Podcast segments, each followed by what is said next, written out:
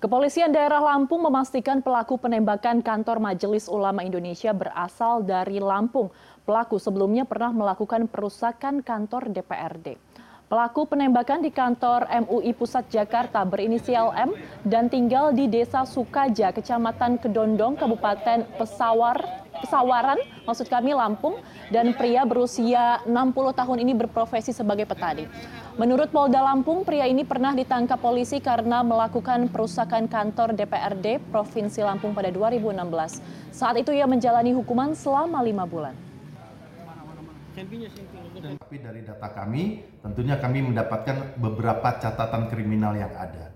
Dari peristiwa yang tersebut yang terjadi, salah satunya adalah motif yang sama seperti yang terjadi di kantor